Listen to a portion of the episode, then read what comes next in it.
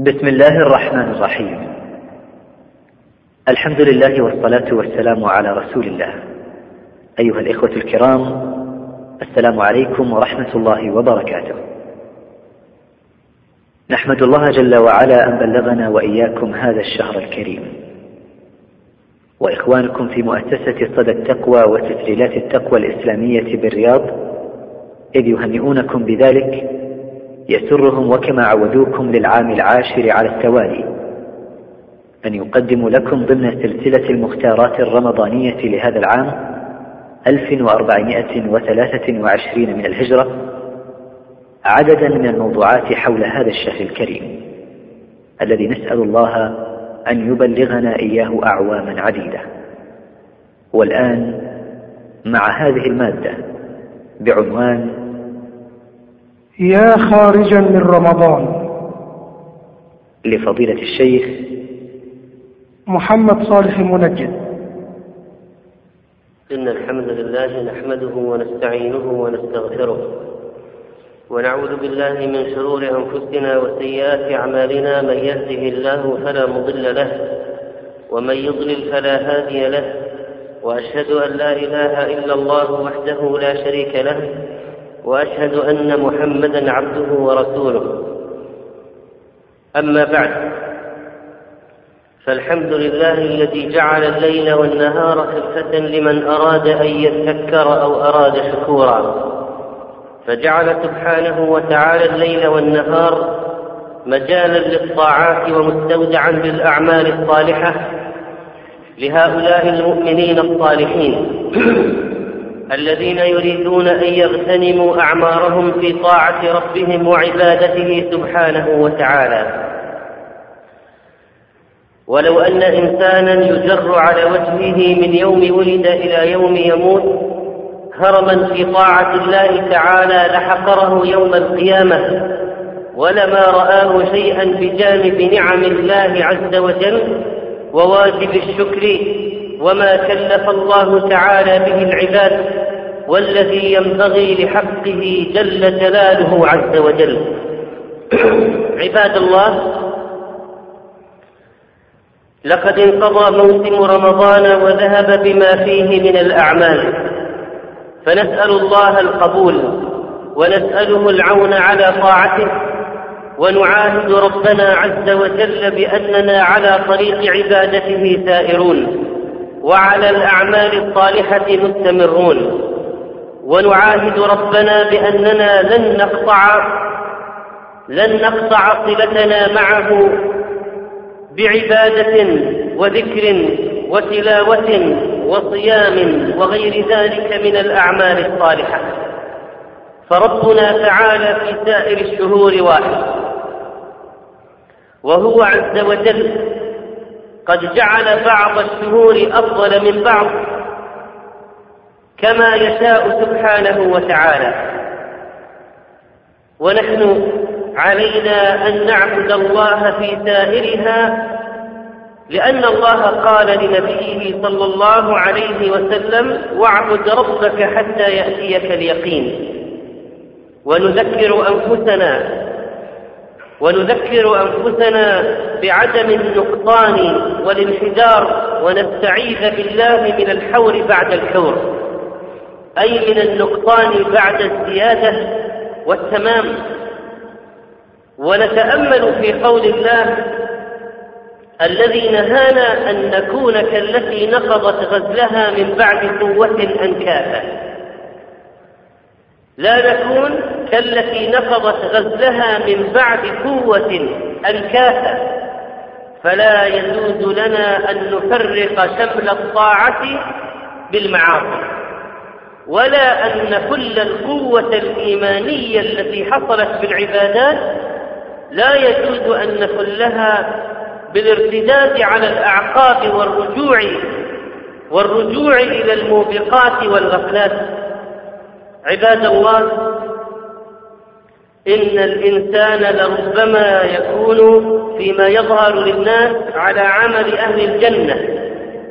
فيسبق عليه الكتاب فيعمل بعمل أهل النار فيدخلها وذلك لوجود دخيلة في نفسه لم يسعى لخلعها فإذا جاء الموت خانته النفس فمات على غير طاعة الله. فيكون سوء المصير هو العاقبة.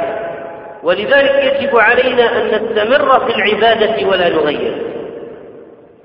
ولا أن نعود إلى كفر بعد إيمان ولا إلى معصية بعد طاعة وإنما نستمر في ذلك العهد الإيماني الذي كنا مرتبطين به بالرب عز وجل.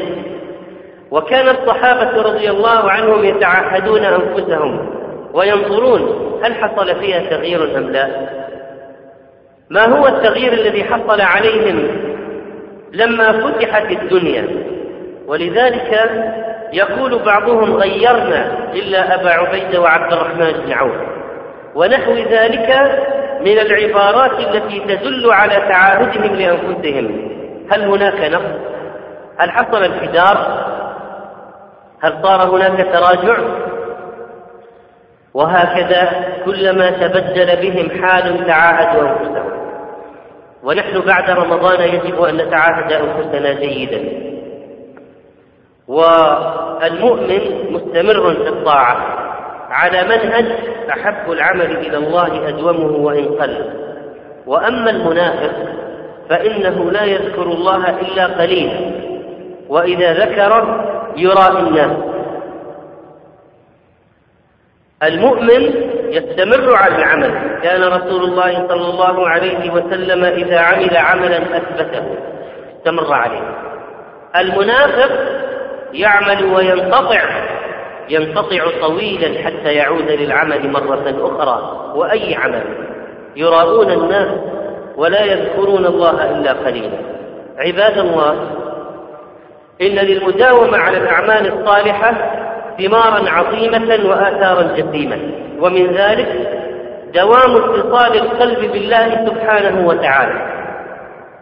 فيعطى العبد ثباتا وقوة من الرب ومن يتوكل على الله فهو حسبه. المداومة على الأعمال الصالحة سبب لمحبة الرب للعبد. إن الله يحب التوابين ويحب المتطهرين. أي إن الله يحب التوابين من ذنوبهم على الدوام ويحب المتطهرين المتنزهين عن الآثام. يقول الله تعالى في الحديث القدسي ولا يزال عبدي يتقرب إلي بالنوافل حتى أحبه. ولا يزال أي يستمر. تفيد الاستمرارية. إن هذا الاستمرار سبب للنجاة من الشدائد. ولذلك قال النبي صلى الله عليه وسلم للغليم الذي كان خلفه وهو ابن عباس رضي الله عنهما احفظ الله يحفظك احفظ الله تجده أمامك تعرف إلى الله في الرخاء يعرفك في الشدة. إذا هذه الطاعات تنفع في الشدائد. من سره أن يستجيب الله له عند الشدائد والكرب فليكثر الدعاء في الرخاء ويونس عليه السلام لولا أنه كان من المسبحين من قبل كان من المسبحين للبث في بطن الحوت إلى يوم يبعثون. لكن لأنه كان عبدا صالحا يسبح الله ويعبده من قبل شفع له ماضيه. وما سلف من العبادة عندما وقع في الورطة وعندما صار في الأزمة فنجاه الله تعالى. إن المداومة على الأعمال الصالحة تنقذ صاحبها من الفواحش. إن الصلاة تنهى عن الفحشاء والمنكر.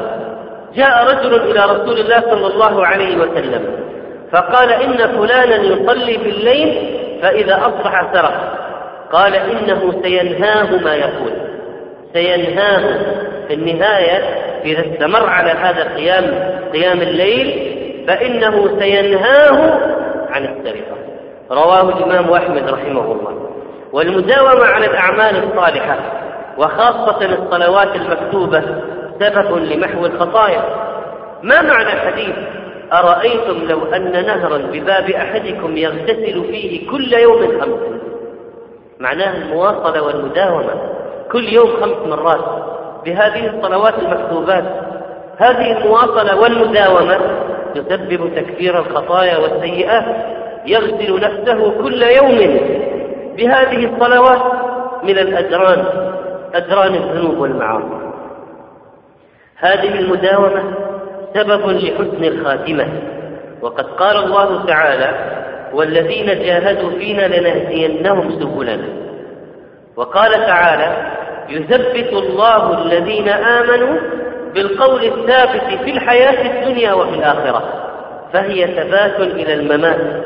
معك يا أيها المسلم تقيك مصارع السوء عليكم باصطناع المعروف يعني دائما استمرار على عمل المعروف. لماذا؟ قال في الحديث الصحيح فإنه يمنع مصارع السوء والله عز وجل يعطي هؤلاء المداومين المتمسكين أجرا عظيما. قال تعالى والذين يمسكون بالكتاب يمسكون بالكتاب وأقاموا الصلاة إنا لا نضيع أجر المصلحين. وكذلك فإن المداومة على الأعمال الصالحة والاستمرار عليها بعد رمضان وفي رمضان وفي سائر العام إنها سبب لتيسير الحساب وتجاوز الرب سبحانه وتعالى. وكان عبد عنده خصلة من الأخلاق الحميدة أنه كان يبايع الناس ويعاملهم فيقبل الميسور ويتجاوز عن المعسور. هكذا دائما يفعل. هذا من خلقه. لم يكن يفعل ذلك مرة لم يفعلها مرة أو مرتين وإنما باستمرار.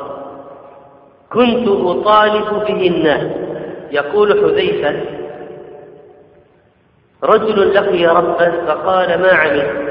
قال ما عملت من الخير إلا أني كنت رجلا ذا مال. فكنت أطالب به الناس فكنت أقبل الميسور وأتجاوز عن المعذور فقال تجاوزوا عن عبدي. قال أبو مسعود لأبي هريرة هكذا سمعت رسول الله صلى الله عليه وسلم يقول. أخرجه البخاري. المداومة على الأعمال الصالحة. معلق قلبه في المساجد دائما مداومة يخفي الصدقات. يذكر الله يكون في ظل العرش يوم القيامة. من ثمرات المداومة على الأعمال الصالحة يا عباد الله تطهير القلب من النفاق والنجاة من النار. فخذ على سبيل المثال من صلى لله أربعين يوما في جماعة يدرك التكبيرة الأولى. كم يكون صلى من صلاته أربعين في خمسة. مئتي صلاة متوالية يدرك التكبيرة الأولى تكبيرة الإحرام. يعني يكون واقفا في الصف عندما يقول الإمام الله أكبر في أول صلاته فيكبر بعده مباشرة. هذا الذي يكون مدركا لتكبيرة الإحرام. متى يكون مدركا لتكبيرة الإحرام؟ إذا كان واقفا في الصف. لما يقول الإمام الله أكبر في أول الصلاة يكون آخذا موضعه مستويا في صفه ويكبر بعد الإمام مباشرة. هذا يكون مدركا لتكبيرة الإحرام. ما هو الفضل في هذه المداومة والتوالي على مئتي صلاة؟ من صلى لله أربعين يوما في جماعة يدرك التكبيرة الأولى كتبت له براءتان براءة من النار وبراءة من النفاق. ولو قال قائل نسافر ونمرض وينقطع العمل.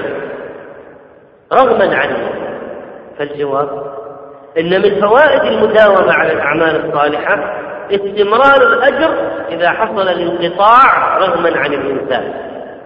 لأن النبي صلى الله عليه وسلم قال إذا مرض العبد أو سافر كتب له مثل ما كان يعمل مقيما صحيحا.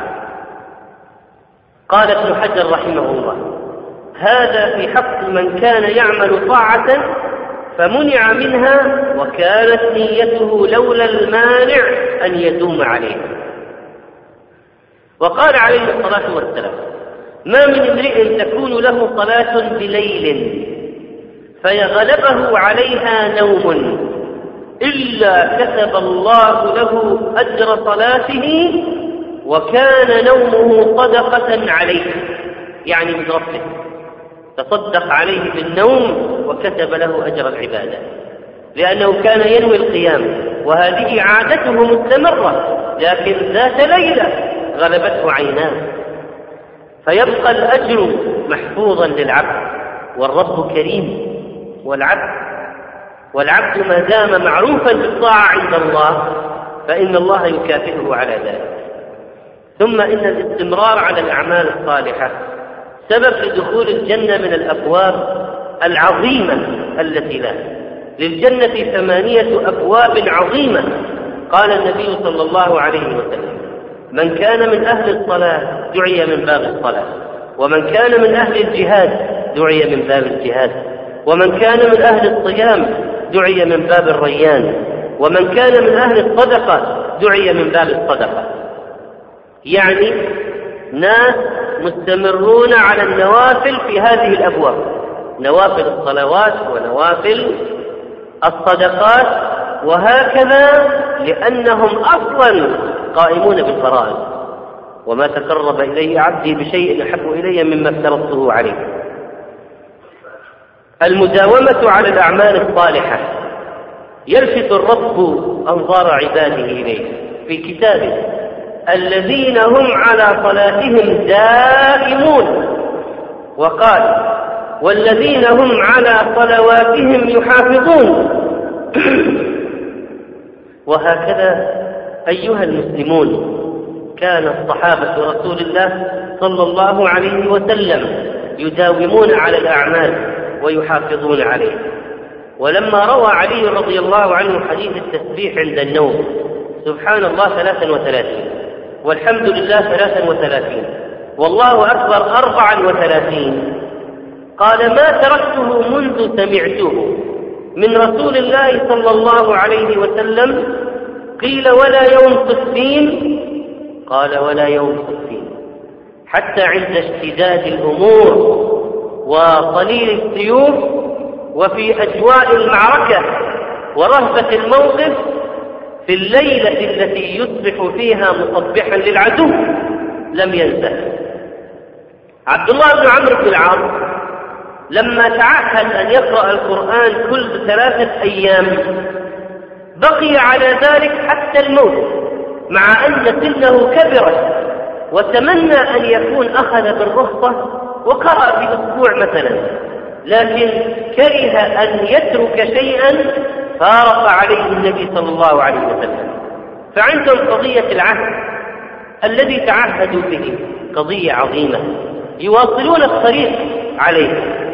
وكذلك ابن عمر لما مدح النبي عليه الصلاة والسلام عبد الله لو كان يقوم الليل استمر عليه أبو هريرة يقتسم الليل هو وزوجته وابنه أثلاثا وغيرهم من السلف والحسن بن صالح يقتسم الليل هو وأمه وأخوه أثلاثا لما ماتت أمهما اقتسم الليل قسمين يقوم نصفه ثم يوقظ أخاه وينام. ويقوم الأخ نصفه الثاني ثم يوقظه لصلاة الفجر. وهكذا وهكذا كانوا رحمهم الله حتى في أمور الصدقات. يتعاهدون المساكين طيلة العمر. ولذلك إذا مات الواحد منهم كعلي بن الحسين زين العابدين إذا مات يفتقده الأيتام والأرامل والضعفاء والمساكين والفقراء يفقدونه. لأنه لم يتعاهده لم يكن يتصدق عليهم ليلة أو يوما وإنما دائما هكذا فيفتقد بل كان أطفال الجيران يفتقدون يفتقدون العباد الذين كانوا يصلون على أسطح البيوت. فمنصور بن المعتمر كان يداوم على الصلاة ستين سنة يقوم الليل. فلما مات قال طفل من الجيران لأمه أين الجذع الذي كان على سطح جارنا منصور؟ قالت ليس بجذع يا بني ذاك منصور مات. منصور مات. من كثرة قيامه ظنه الطفل جذعا خشب على السطح. فلما فقد الخشبة التفت نظره وفكره إلى هذا الفقدان والحقيقة أنها ليست بخشبة ولا جذع إنه منصور. كيف يحافظ سعيد بن المسيب أو الأعمش أو غيرهما على تكبيرة الإحرام أربعين سنة أو ستين سنة؟ كيف يحافظ العلماء على دروسهم التي يقيمونها قرابة خمسين عاما لا ينقطع الدرس إلا لمرض أو سفر. كيف يحافظ حفاظ القرآن على المراجعة اليومية؟ المراجعة اليومية يراجع الواحد للآخر كما راجعه عدد من الصالحين. اثنين اثنين عشرات السنين حتى يأتي أمر الله. عباد الله مسألة الاستمرار والمداومة هي السر في نجاح المسلم في الثبات على الدين والوصول إلى الآخرة سالما. اللهم اجعلنا من المداومين على الصالحات. اللهم أعنا على ذكرك وشكرك وحسن عبادتك. اللهم اجعلنا من الأخيار الأبرار. اللهم ارزقنا العبادة والاستمرار عليها وثبتنا عليها حتى الممات. أقول قولي هذا وأستغفر الله لي ولكم فاستغفروه إنه هو الغفور الرحيم. الحمد لله على إحسانه وإنعامه والشكر له على توفيقه وامتنانه وأشهد أن لا إله إلا الله وحده لا شريك له تعظيما لشانه وأشهد أن محمدا رسول الله الداعي إلى سبيله ورضوانه. صلى الله عليه وعلى آله وصحبه والتابعين لهم بإحسان إلى يوم الدين. عباد الله ومن الاستمرار على الأعمال الصالحة ستة شوال بعد رمضان. من صام رمضان ثم أتبعه وأتبعه ستا من شوال كان كصيام الدهر. فسره النبي صلى الله عليه وسلم بأن الحسنة بعشر أمثالها.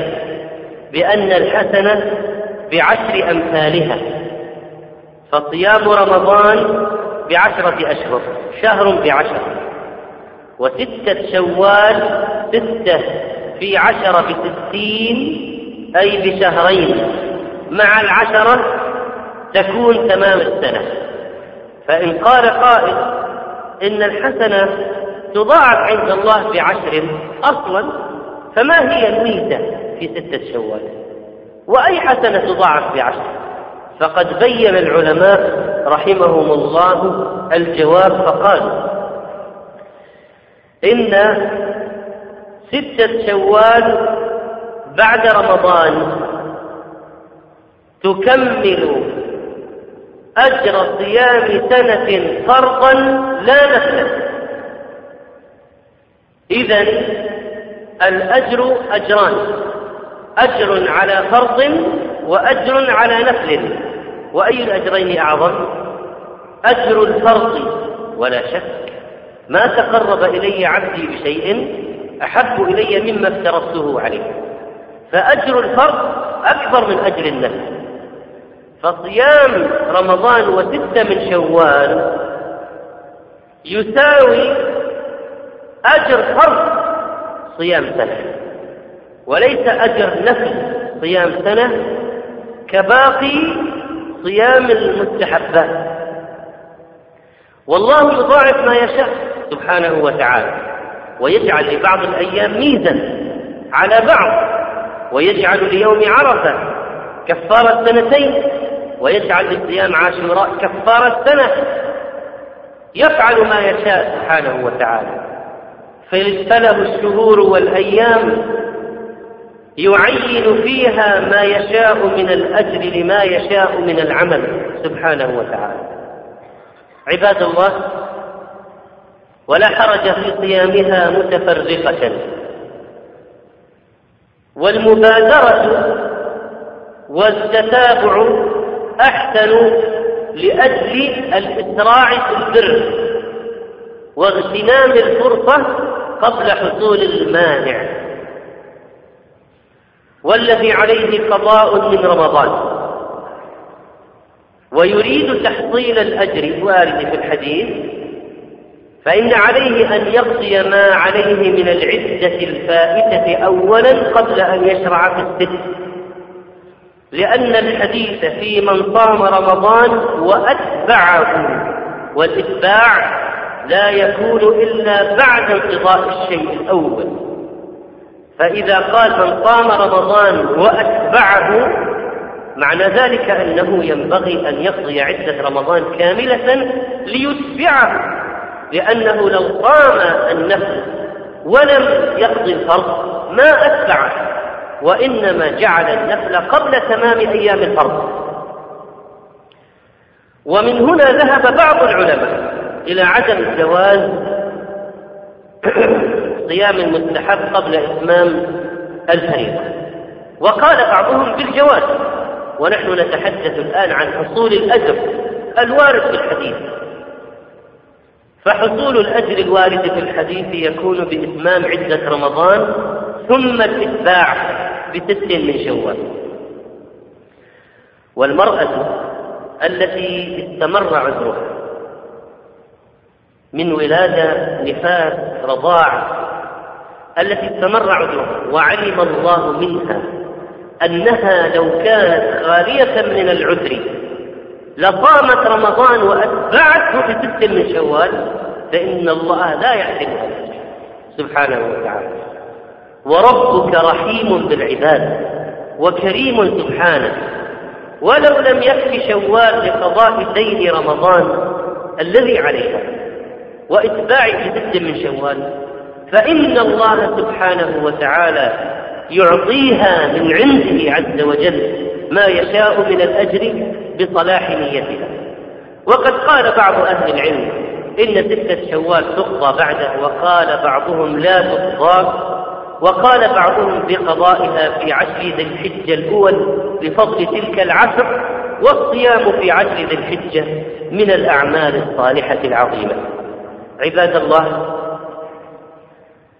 هذه مناسبة للمسلمين ومناسبة لغير المسلمين في هذه الأيام أعياد النصارى. الذين كفروا بالله وأشركوا به فلعنهم الله لعنا كبيرا. ونص على كفرهم في كتابه. لقد كفر الذين قالوا إن الله ثالث ثلاثة. لقد كفر الذين قالوا إن المسيح ابن الله ما اتخذ الله من صاحبه وما كان له من ولد ما اتخذ الله ولدا ولا كان له صاحبة سبحانه وتعالى. لم يلد ولم يولد ولم يكن له كفوا أحد. ولذلك فإن هؤلاء تنزل عليهم اللعنة والغضب عندما يدخلون في أعيادهم ويقيمون قداساتهم ويجتمعون في كنائسهم ويرفعون صلبانهم ويتقدمهم قساوستهم ويبخرون المصلين عندهم ويطعمونهم بالملاعق الوهم والشرك. وأقراص الحلوى التي يزعمونها مباركة ويحرقون جذعا ويتبركون بشجرة الميلاد ونحو ذلك من الخرافات ويعتقدون فيها اعتقادات. وتحرص وسائل إعلامهم على نقل كفرهم لسائر أهل الأرض. ويفتخرون بذلك ويعممونه وينشرونه ويعتزون به ويفتخرون ويعلنون وينظر المسلم إلى هؤلاء الضلال كما نظر أبو الدرداء إلى أولئك المعتكفين في صوامعهم من النصارى لما أطل الراهب عليه بكى لأنه يرى وجه إنسان لو مات على هذا دخل النار بكى أبو الدرداء لماذا؟ لأنه تذكر قول الله تعالى هل أتاك حديث الغاشية؟ وجوه يومئذ خاشعة أي من الذل والعذاب. مع أنها عاملة ناصبة كانت مجتهدة في الدنيا عاملة ناصبة. ومع ذلك تصلى نارا حامية. من أمثلة هؤلاء هؤلاء الرهبان من النصارى. ولو عملوا وترهبنوا فمآلهم النار وعذاب البوار لأنهم عملوا بالشرك وتقربوا إلى الله بالشرك. والله عز وجل لا يقبل الشرك. ونحن المسلمين لو رأينا شيئا من أعيادهم كرهنا ذلك وأبغضناه أشد البغض ونفرت قلوبنا منه. لو كان في القلب إسلام وإيمان. ولازدرينا أحوالهم وكرهنا صفاتهم وهم يحتفلون هذه الاحتفالات ويقعون في هذه الخرافات ويختلطون بل يعملون الفواحش ويشربون الخمور ومن يحتسي آخر قنينة خمر في ليلة رأس السنة يكون حظه سعيدا عندهم. وكنس الغبار في تلك الليلة يدفع الحظ الحسن ويذهبه إلى غير ذلك من الخرافات. ويأتون بهذه الشجيرات ويلفون الأنوار عليها. فما هذا الغباء وما تنفع الأنوار في الأشجار إذا كان القلب مظلما بالشرك ونحن المسلمين أول واجب علينا في أعيادهم أن نكره دينهم المحرم وأن نكره هذا الشرك الذي هم عليه وأن نعتقد تحريم ما يفعلونه وأنه طريق جهنم. ثانيا لا يجوز لنا أن نعاونهم على عيدهم بأي طريق ولا أن نبيعهم ما يستعينون به على شركهم ولا أن نؤجرهم شيئا يستعينون به على شركهم إطلاقا. وثالثا أننا لا يجوز أن نشاركهم في أعيادهم. لا بالذهاب إلى كنيسة ولا بالدخول إليها ومن أراد الذهاب إلى الكنائس للصلاة فيها فهو مشرك مثلهم. فأي شيء يصلي في عيد الميلاد؟ صلاة القوم؟ وما هي صلاة القوم؟ الشرك بالله تعالى. وكذلك فإن المسلم رابعا لا يجوز أن يهنئهم بأعيادهم لماذا؟ بعض الناس يقولون تقيمون الدنيا على كلمتين. نريد أن نقول له هابي نيو يير أو ميري كريسمس أو غير ذلك. كلمتين. مجاملة. صاحبي في العمل مديري في العمل شريكي في التجارة. أليس هذا من الإحسان إلى الناس؟ أليس هذا من معاملة هؤلاء النصارى بالإحسان أنها طريق لدعوتهم واستجلاب قلوبهم. والجواب أنه لا يجوز أن تكون وسائل الدعوة محرمة. يجب أن تكون وسيلة الدعوة شرعية. ثانيا أننا لا يجوز أن نجامل الكفار على حساب ديننا وأن نفعل شيئا يحرمه الدين الإسلامي لأجل عيونهم. لماذا؟ هذه مداهنة محرمة. وقد قال الله ودوا لو تدهنوا فيدهنون. مداهنة محرمة. نفاق. نفاق. لماذا؟ أيها الإخوة لأن تهنئتهم بإعيادهم تتضمن أمرا خطيرا جدا يغفل عنه كثير من الناس. نلخصه بكلمة ألا وهو الإقرار. الإقرار. إذا هنأته على عيده أقررته عليه تتضمن تهنئتك إقرارا له إقرار يتضمن في كلامك الذي تقوله له بالتهنئة إقرار وهو يحتفل بماذا؟ بعيد الميلاد ميلاد من؟ ميلاد من؟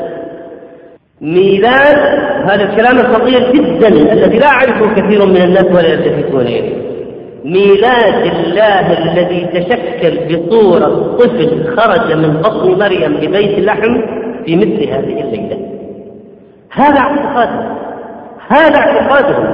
يعتقدون أن الله تشكل بصورة بشر وأنه خرج طفلا من بطن مريم ببيت لحم في مثل هذه الليلة. إذا إذا قلت تهنأ بهذا العيد وعيدك مبارك ونحو ذلك من الكلمات فأنت تقره على عيد عيد ميلاد من؟ ليس عيد ميلاد عيسى رسول الله البشر.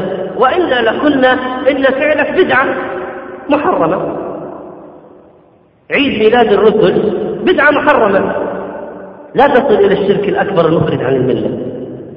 لكن لما تقول عيد ميلاد عيد ميلاد الله الذي تشكل بصورة بشر وخرج طفلا من بطن مريم أو عيد ميلاد ابن الله ما معنى ذلك؟ معنى ذلك الإقرار لهم على شركهم وهذا مكمن خطر عظيم في هذه القضية التي يستسهلها بعض الناس فلا لإرسال رسائل بالجوال ولا بالإيميل والبريد الإلكتروني ولا بالبطاقات بطاقات الكريسماس والتهنئة وينشر هؤلاء كفرهم في طول الأرض وعرضها. نسأل الله سبحانه وتعالى أن يذلهم وأن يقمعهم وأن يخمدهم وأن ينكس صليبهم وأن يرغم أنوفهم وأن يكبت باطلهم ودينهم المحرم. إنه سميع مجيب. اللهم إنا نسألك النصر للمسلمين يا رب العالمين. اللهم انصر المسلمين. اللهم انصر من نصر الدين. واخذل من خذل المسلمين. اللهم انصر المجاهدين. واعل كلمة الدين. اللهم أذل اليهود والصليبيين. واجعل بأسهم بينهم يا رب العالمين. واجعل تدبيرهم تدميرا عليهم يا قوي يا عزيز. اللهم أخسئ الهندوس الكفرة. اللهم أذل الهندوس يا رب العالمين. اللهم اهزم الهندوس المشركين. وانصر المسلمين في كشمير وغيرها يا رب العالمين. اللهم أخرج اليهود من بيت المقدس أذلة صاغرين. اللهم أخرج اليهود من بيت المقدس أذلة صاغرين. واجعلهم وأموالهم غنيمة للمسلمين. اللهم عجل فرجنا عجل فرجنا. عجل فرجنا وفرج المسلمين يا أرحم الراحمين. اللهم أمنا في الأوطان والدور وأصلح الأئمة وولاة الأمور واغفر لنا يا عزيز يا غفور. سبحان ربك رب العزة عما يصفون وسلام على المرسلين والحمد لله رب العالمين. وقوموا إلى صلاتكم يرحمكم الله. والآن مع الخطبة الثانية إن الحمد لله نحمده ونستعينه ونستغفره ونعوذ بالله من شرور أنفسنا وسيئات أعمالنا من يهده الله فلا مضل له ومن يضلل فلا هادي له وأشهد أن لا إله إلا الله وحده لا شريك, لا شريك له وأشهد أن محمدا عبده ورسوله من صام رمضان إيمانا واحتسابا غفر له ما تقدم من ذنبه. من قام رمضان إيمانا واحتسابا غفر له ما تقدم من ذنبه. من قام ليلة القدر إيمانا واحتسابا غفر له ما تقدم من ذنبه. فهنيئا لمن كانت هذه الثلاثة له في هذا الشهر. والعزاء كل العزاء لمن انقضى. هذا الشهر بغيرها بل إن النبي صلى الله عليه وسلم دعا عليه فقال من أدركه رمضان فلم يغفر له فأبعده الله. ودعا جبريل بها وقال للنبي صلى الله عليه وسلم قل آمين. فقال آمين. ومن نقص من عمله في الشهر نقص له من الأجر بحسب النقص الذي دخل عليه في العبادة. فلا يلومن إلا نفسه.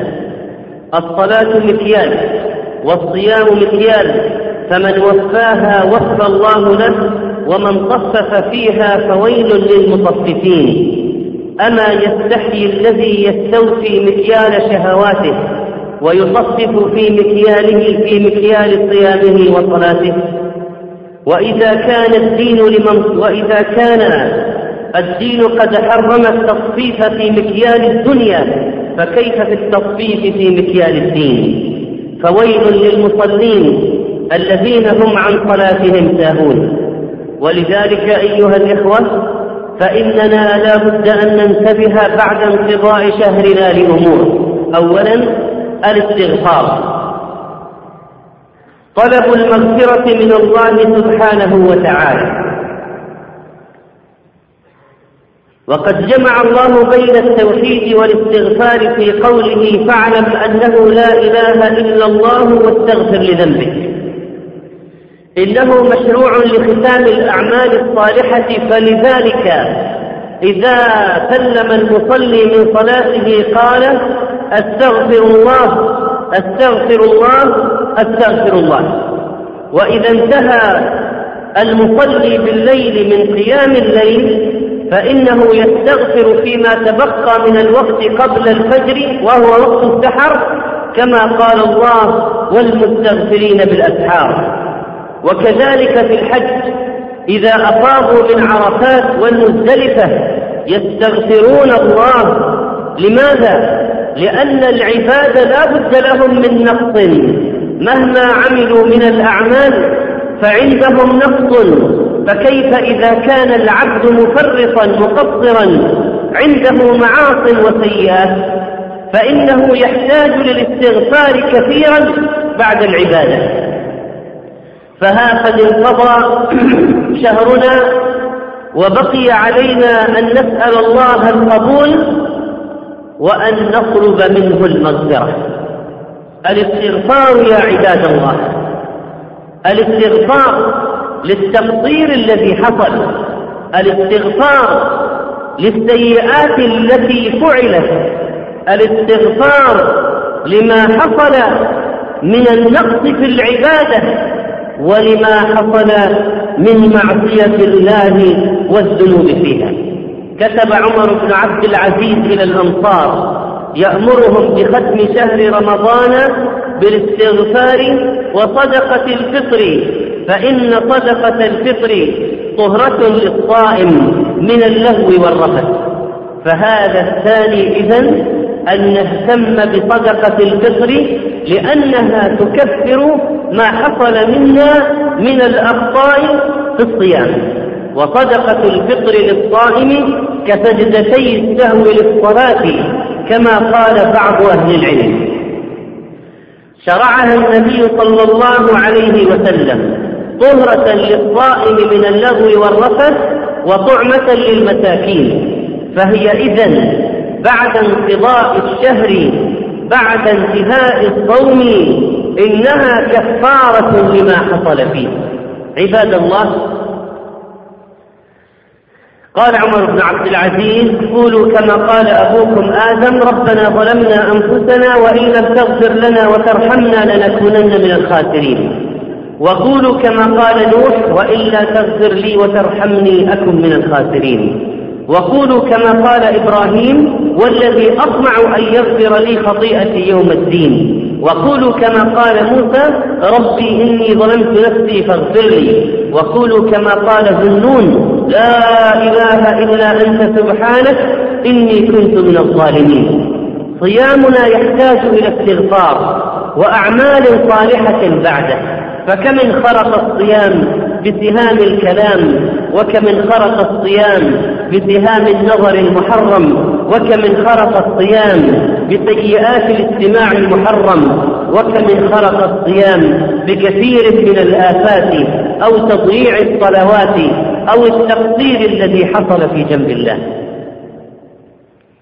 إذا كان المحسنون فيما مضى يفعلون العمل الصالح على الوجه العظيم ثم يرون أنهم لم يفعلوا شيئا وأنهم مقصرون وأن عليهم الاستغفار فكيف بالمذنب المقصر؟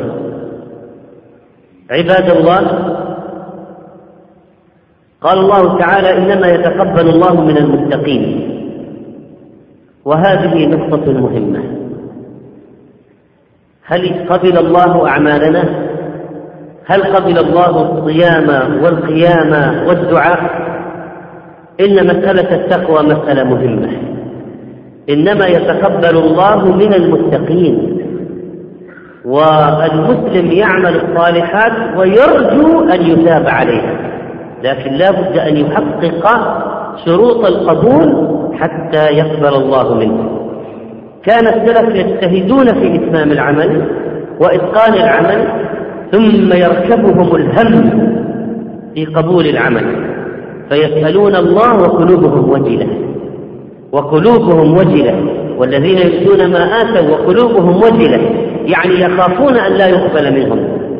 يتصدقون بالصدقات العظيمة ويخافون أن لا يقبل منهم ونحن عندما نخرج من شهرنا ينبغي أن نكون على رجاء حسن من الله بأن يعطينا الأجر الجزيل وعلى خوف أيضا من الله أن يرد العمل.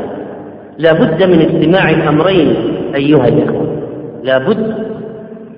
وأن نسعى لأن نكون من المتقين. قال عبد العزيز بن أبي روان أدركتهم يجتهدون في العمل الصالح فإذا وقع فإذا فعلوه وقع عليهم الهم. أتقبل منهم أم لا؟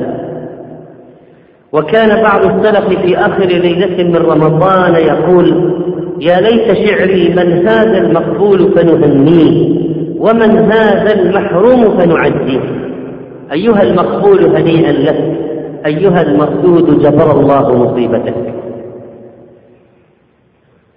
أيها المسلمون إن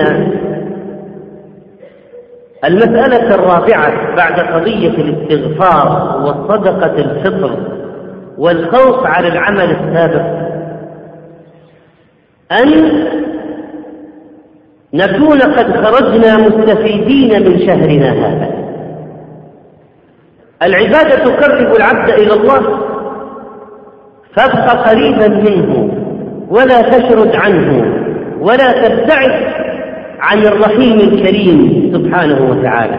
لأن الله قال إن رحمة الله قريب من المحسنين. فابق يا عبد الله على الإحسان ابق على الإحسان واعبد ربك حتى يأتيك اليقين. إذا لابد من الثبات على هذا الدين لا بد من البقاء على طريق العبادة. لا بد أن نكون قد استفدنا من شهرنا هذا. أيها المسلمون إن الله قال عن المنافقين آية عجيبة. قال وإذا جاءوكم قالوا آمنا وقد دخلوا بالكفر وهم قد خرجوا به. والله أعلم بما كانوا يكتمون.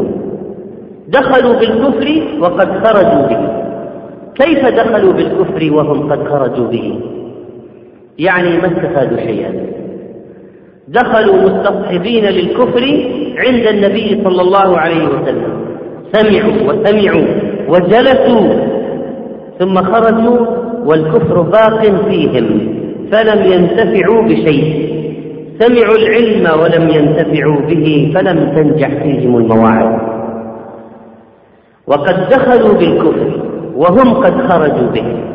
ونحن الآن دخلنا في الصيام فكيف سنخرج منه هل ستكون هذه الفوائد التي حصلناها أثرها باق أيها المسلمون إن قضية البقاء على المستوى وعلى الفائدة التي حصلت والاستمساك بها في غاية الأهمية والأمر الثالث أن العمل الصالح لا ينبغي أن ينقطع. ولذلك ترى أن في رمضان سنة قبلية في الإكثار من الصيام في شعبان وسنة بعدية صيام ست من شوال. حتى لا ينقطع الصيام. ولتتم لك السنة لأن صيام رمضان بعشرة أشهر الحسنة بعشرة أمثالها.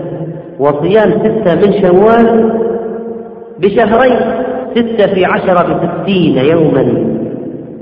وهذا تمام السنة. فشهر بعشرة أشهر وستة أيام بشهرين فكان تمام السنة. حتى لا ينقطع الصيام حتى لا ينقطع العمل.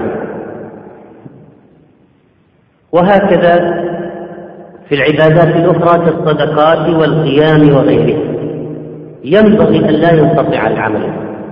نبقى على صلة بالأعمال الصالحة.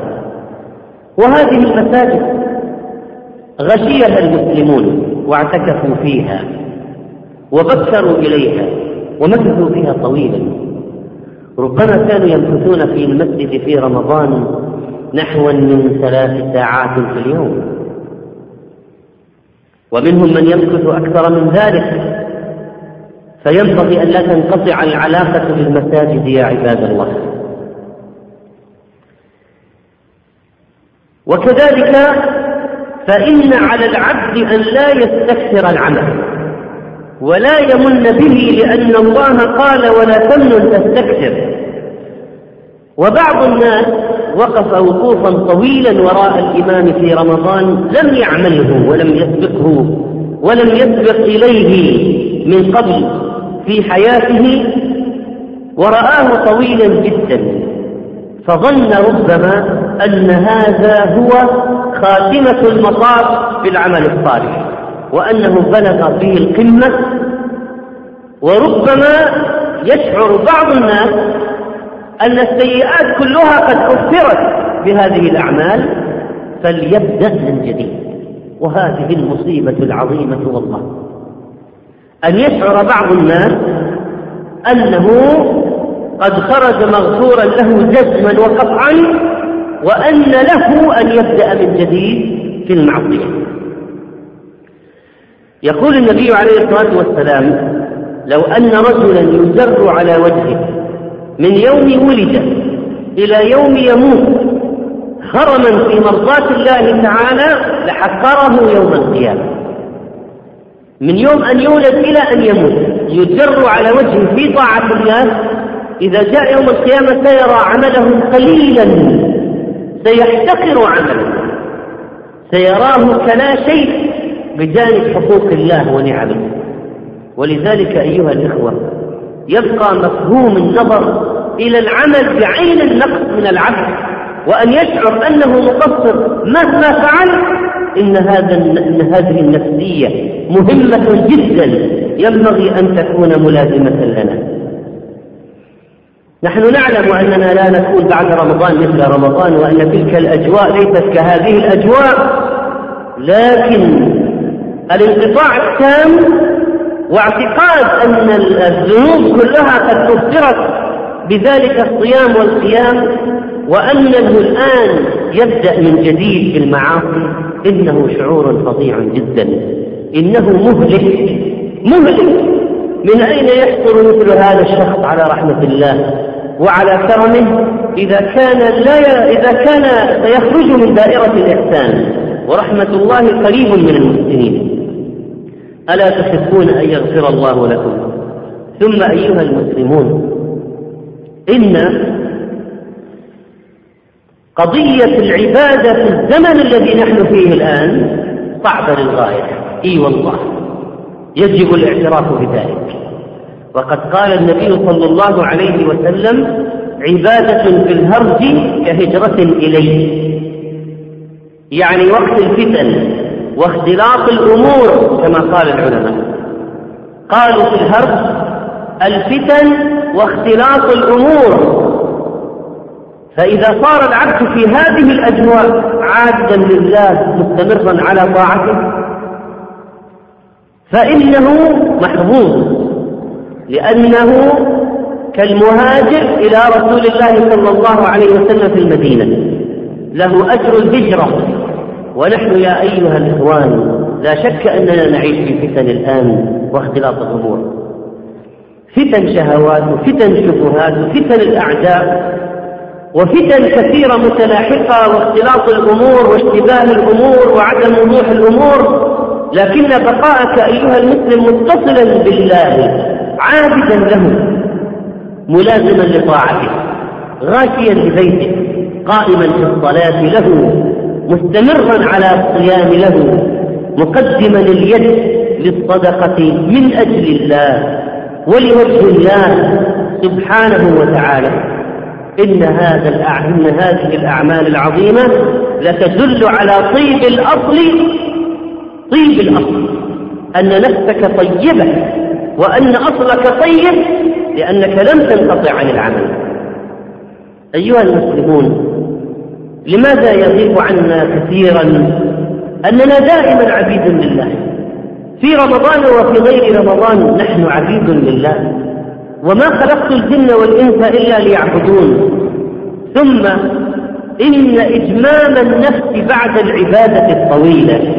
بالمباح هو مباح لكن بالمباح وليس بالمحرم. وسيأتي ستأتي أيام قادمة. نحو من أسبوعين يقضيها أولادك بغير دراسة. الجميع في إجازة من المدارس. فكيف ستقضى هذه الأيام؟ وأي شيء خططت له يا عبد الله؟ وبماذا؟ وبماذا ستدير الأمور في المدة القادمة؟ أيها المسلمون نحن نعلم أن الموت يأتي في كل وقت وحين. ودائما في الأعياد حوادث. في الأعياد حوادث وقتلى وأناس يموتون. ولذلك يجب الحذر الحذر أن لا تأتي المنية والعبد والعبد غاش لنفسه غاش لرعيته غاش لأهل بيته غاش لزوجته. غاش لأولاده يريهم شيئا وحقيقته شيء آخر. يزعم أنه سيسافر إلى مكان وفي الحقيقة أنه مسافر إلى مكان آخر. يا عباد الله إن الله يعلم سركم وجهركم ويعلم ما تفعلون. يقول الناس يقول الناس بعد رمضان لبعضهم البعض من الفائزين. من هم الفائزون؟ قال الله تعالى فمن زحزح عن النار وأدخل الجنة فقد فاز. هذا هو الفوز هذا هو الفوز الحقيقي. فمن زحزح عن النار وأدخل الجنة فقد فاز. اللهم اجعلنا من الفائزين واغفر لنا ذنوبنا أجمعين. وتب علينا إنك أنت التواب الرحيم. اللهم اجعلنا على العهد بطاعتك مستمرين. اللهم لا لا تجعلنا ممن ينقطع عن عبادتك. لا تزغ قلوبنا بعد إذ هديتنا وهب لنا من لدنك رحمة إنك أنت الوهاب. أقول قولي هذا وأستغفر الله لي ولكم فاستغفروه إنه هو الغفور الرحيم. الحمد لله رب العالمين. الرحمن الرحيم ملك يوم الدين. أشهد أن لا إله إلا هو الملك الحق المبين.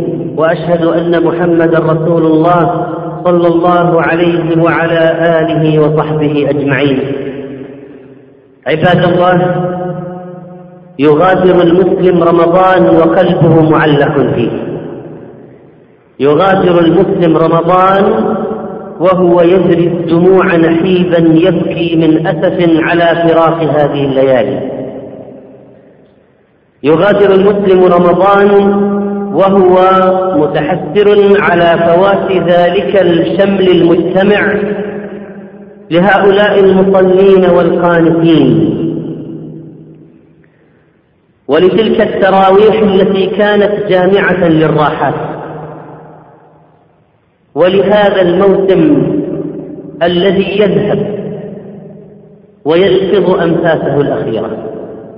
ولكن المسلم الحق عزاؤه أن الله جعل الليل والنهار خلفة لمن أراد أن يذكر أو أراد شكورا فهو متاح له أن يعبد الله دائما. قبل الشهر وبعد الشهر وأثناء الشهر والحمد لله. أن الله ما قطعنا عن الصيام ولا عن القيام حتى في خارج رمضان. وحتى هذه العبادات يمكن أن يؤديها المسلم وحده. ولكي يكون للعبادة وللموسم المعين لذة فلا بد أن يكون له أجل. لكي تشتاق النفوس إليه والله عز وجل يفضل ما يشاء من الأيام ويجعل فيما يشاء من الشهور الخصائص والفضائل سبحانه وتعالى. ويعوض الله المسلمين الخير الكثير. أما أصل العمل فإنه باق في رمضان وبعد رمضان. لكن تمتاز الأيام الفاضلة بالمضاعفة. بالمضاعفة. أما الأجور الأصلية باقية مستمرة في كل الأيام. أيها المسلمون إن لهذه الأمة الإسلامية بعد انقضاء موسم عبادتها العظيم فرحة بتمام العبادة فرحة بعيد جعله الله ميزة لها وآية وعلامة وخصيصة من خصائص هذه الأمة. عيد الفطر وكذلك عيد الأضحى. عيد خاص بالمسلمين لا يشاركهم فيه غيرهم. كذلك لا يشاركون غيرهم في أعيادهم. ولذلك حرم علينا أن نشارك الكفار في أعيادهم وأعيادهم قريبة في هذه السنوات الأخيرة من أعيادنا. في الزمن لكننا نتميز عنهم بأن عيدنا توحيد وطاعة وأعيادهم شرك ومعصية. دقق فيها تجدها كذلك. شرك ومعصية. أعيادنا ذكر وتكبير وأعيادهم كفران ومنكرات وأمور فظيعة. من أنواع الكبائر. إن لكل قوم عيد وهذا عيدنا يدل على الاختصاص وأنه لا يحل للمسلمين أن يتشبهوا بالكفار.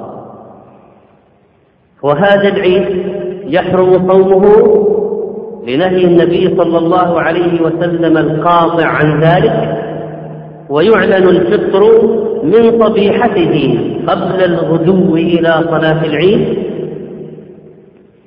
وكذلك يأتيه المسلمون بغير أذان ولا إقامة يجتمعون في المصلى. وإذا ضاق جاز فعله في المساجد الكبار. فأول شيء يبدأون به الصلاة بسبع تكبيرات وخمس في الركعة الأولى والثانية.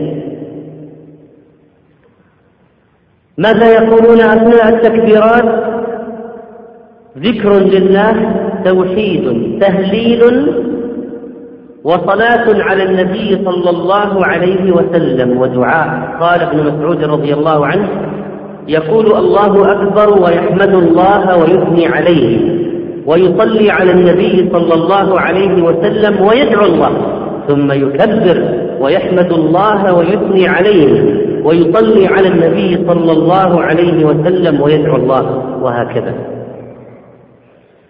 صلاة العيد مجمع عظيم للمسلمين يخرجون إليه حتى النساء بل وحتى الحيض بل إن الأمر مؤكد في ذلك.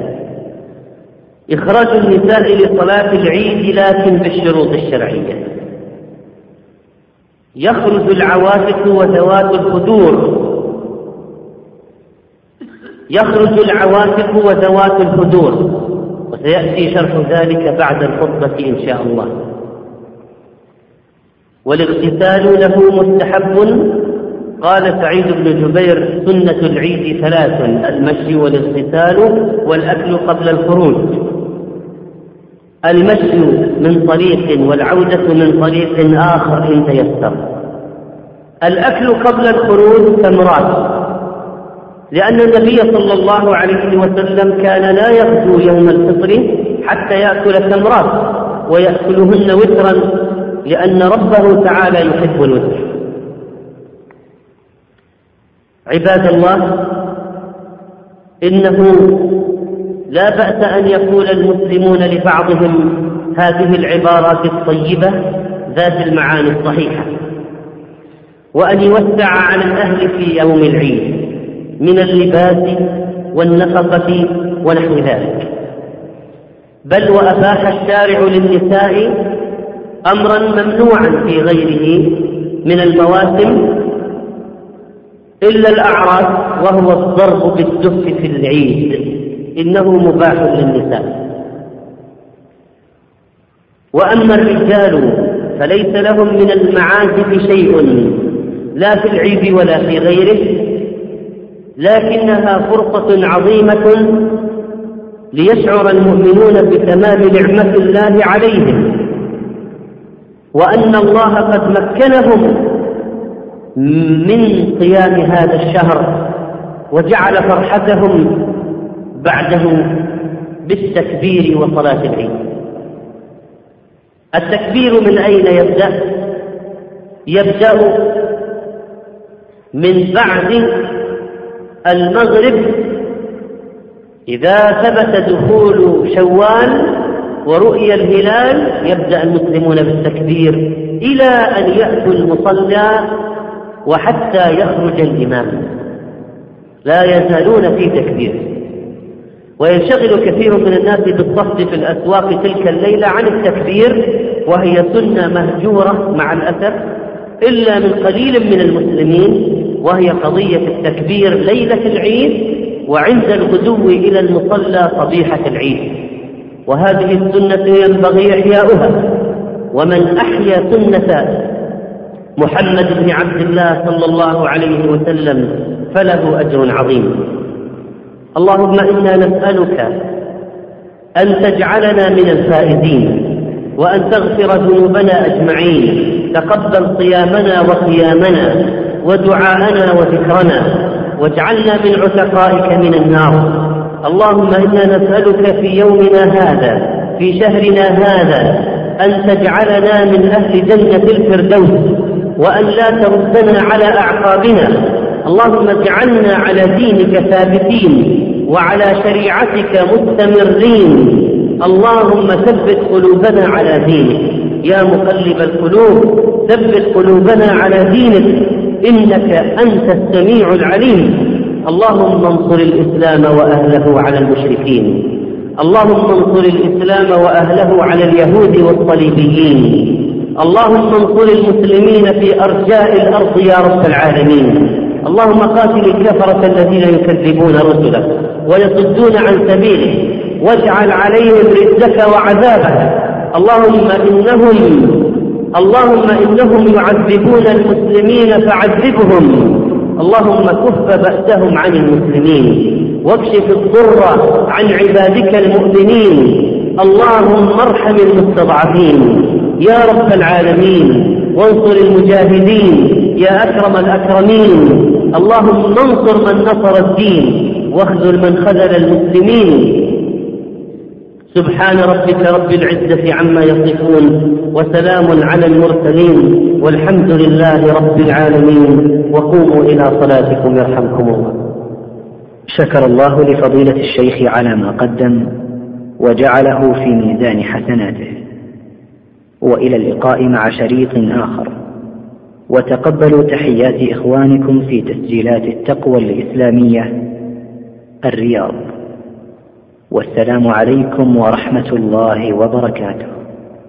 بموجب فهرس تسجيلات التقوى فإن رقم هذا الشريط هو ثلاثة عشر ألفا